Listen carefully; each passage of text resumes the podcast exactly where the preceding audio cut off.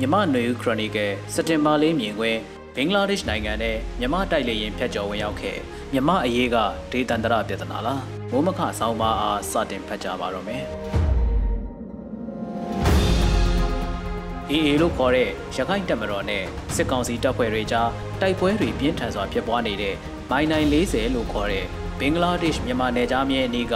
နေကြားဆောင်ရဲကင်းစခန်းကိုပြန်လည်ရရှိဖို့စစ်ကောင်စီတပ်တွေကလေကြောင်းအကူအညီပါယူပြီးတိုက်ခိုက်ရမှာတိုက်လေယာဉ်တွေကဘင်္ဂလားဒေ့ရှ်နိုင်ငံနယ်နိမိတ်ထဲထိဖျက်ကျော်ဝင်ရောက်ခဲ့တာကြောင့်ဘင်္ဂလားဒေ့ရှ်နိုင်ငံဘက်ကစစ်ကောင်စီတန်အမတ်ကိုခေါ်ယူကန့်ကွက်ကြောင်းအသိပေးထားတယ်လို့သတင်းတွေမှာဖော်ပြထားကြပါတယ်ပြီးခဲ့တဲ့ရက်အနေငယ်က AA တပ်တွေဟာအဲ့ဒီမိုင်နိုင်40စခန်းလို့ခေါ်တဲ့နေကြားဆောင်ရဲစခန်းကိုတိုက်ခိုက်ခဲ့ရာစခန်းရှိနေကြားဆောင်ရဲတပ်ဖွဲ့ဝင်19ဦးသေဆုံးပြီးတအူးတန်ရာနဲ့ဖမ်းဆီးနိုင်ခဲ့က စခန်းကို AA ဘက်ကသိမ်းယူခါခဲ့တာဖြစ်ပါတယ်။ဒီစခန်းကိုပြန်လည်ရယူဖို့ရာစစ်ကောင်စီတပ်တွေကရေပြင်ကောလေကြောင်းကပါတိုက်ခိုက်နေပြီးခုလိုတစ်ဖက်နိုင်ငံလေးပိုင်နက်တွေကိုစစ်ကောင်စီတိုက်လေရင်တွေဖျက်ချော်ဝင်ရောက်ခဲ့တာပဲဖြစ်ပါတယ်။မြန်မာစစ်ကောင်စီတပ်တွေဟာမကြသေးခင်က KNDO တပ်ရင်းတွေနဲ့ထိုင်းနယ်စပ်မှာဖြစ်ပွားတဲ့တိုက်ပွဲတွေတုန်းကလည်း ထိုင်းလေပိုင်နက်တွေကိုတိုက်လေရင်တွေဖျက်ကျော်ဝင်ရောက်ခဲ့လို့ထိုင်းဘက်ကကန့်ကွက်မှုရှိခဲ့တာဖြစ်ပါတယ်။သို့ပေမဲ့ထိုင်းစစ်ဗိုလ်ချုပ်တွေဥဆောင်နေတဲ့အစိုးရအနေနဲ့မြန်မာအာဏာသိမ်းစစ်တပ်နဲ့ရင်းနှီးတဲ့ဆက်ဆံရေးရှိတာကြောင့်မြန်မာစစ်ကောင်စီဘက်ကဒီလောက်အလေးထားစရာမဟုတ်တဲ့သဘောမျိုးတွေ့ရပါတယ်။အခုအိန္ဒိချင်းဘင်္ဂလားဒေ့ရှ်နိုင်ငံနဲ့ဆက်ဆံရေးကထိုင်းနိုင်ငံနဲ့မတူဘဲခက်တန်းတန်းဆက်ဆံရေးမျိုးသာရှိတာဖြစ်ပါတယ်။ရိုဟင်ဂျာဒုက္ခသည်ရေးကိစ္စတွေနဲ့ပတ်သက်လို့မြန်မာစစ်တပ်နဲ့ဘင်္ဂလားဒေ့ရှ်နိုင်ငံတို့အကြားဆက်ဆံရေးအေးစံနေတာလည်းဖြစ်ပါတယ်။ 2019ခုနှစ်စက်တင်ဘာလတည်းက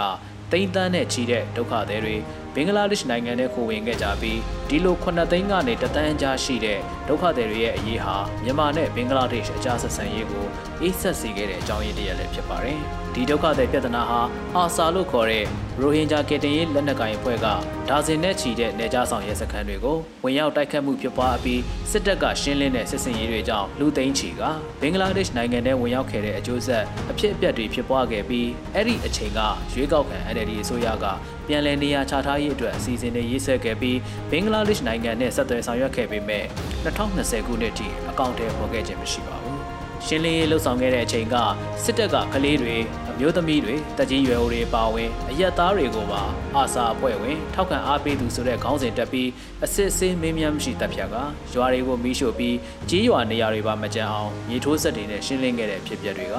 လူမျိုးသုံးတပ်ဖြတ်မှုဆိုတဲ့ခေါင်းစဉ်နဲ့အပြည်ပြည်ဆိုင်ရာတရားရုံး ICJ မှာမြန်မာနိုင်ငံကိုအမှုဆွဲဆိုဖို့ဂမ်ဘီယာနိုင်ငံကရှောက်ထားတဲ့ခြေနေတွေဖြစ်ပေါ်လာခဲ့ပြီးဒုက္ခသည်တွေနေရပြန်ရေးကနိုင်ငံရေးပြဿနာတရက်ဖြစ်ပေါ်လာက NLD ဆိုရလက်ထက်မှာအကောင့်ထဲမပေါ်နိုင်ခဲ့တဲ့အပြင် စစ်တပ်အာဏာသိမ်းမှုပါထပ်မံဖြစ်ပွားခဲ့တာကြောင့်အခုဆိုရင်9နှစ်ကြာမြင့်တဲ့ဒုက္ခသည်ပြဿနာဖြစ်လာခဲ့ပါပြီ။အဆိုပါဒုက္ခသည်ပြဿနာကလည်းမြန်မာနဲ့ဘင်္ဂလားဒေ့ရှ်နိုင်ငံဆက်ဆံရေးကိုပုံမအေးဆက်စေခဲ့တာဖြစ်တယ်လို့ဆိုနိုင်ပါတယ်။အခုအခါရခိုင်ပြည်နယ်မှာရိုဟင်ဂျာဒုက္ခသည်ပြဿနာတွေမကတော့ဘဲအေးအေးလက်နက်ကိုင်အဖွဲ့ရဲ့နယ်မြေစိုးမိုးမှုစင်ပြိုင်အုပ်ချုပ်ရေးတရားစီရင်ရေးတွေကိုတားဆီးဖို့စစ်ကောင်စီရဲ့ထိုးစစ်တွေပြန်လည်ဖြစ်ပွားလာနေတဲ့အခါလက်နက်ကိုင်ပဋိပက္ခပါကျဲပြန့်လာတာကိုတွေ့ရပါတယ်။ စစ်ကောင်စီအနေနဲ့မြန်မာနိုင်ငံနိုင်ငံရေးပြဿနာဟာဒေသန္တရပြဿနာမဟုတ်ဘူးပြည်တွင်းရေးပြဿနာသာဖြစ်တယ်လို့အစဉ်တစိုက်ပြောဆိုနေပေမဲ့ထိုင်းနယ်စပ်ကတိုက်ပွဲတွေနဲ့အိန္ဒိချင်းနိုင်ငံလေးပိုင်းနဲ့ထဲဖြတ်ကျော်မှုလက်နက်ကြီးကြီးကြတာယခုတပံဘင်္ဂလားဒေ့ရှ်နယ်စပ်မှာလည်းအလားတူအဖြစ်အပျက်တွေဖြစ်ပျက်လာတာဟာ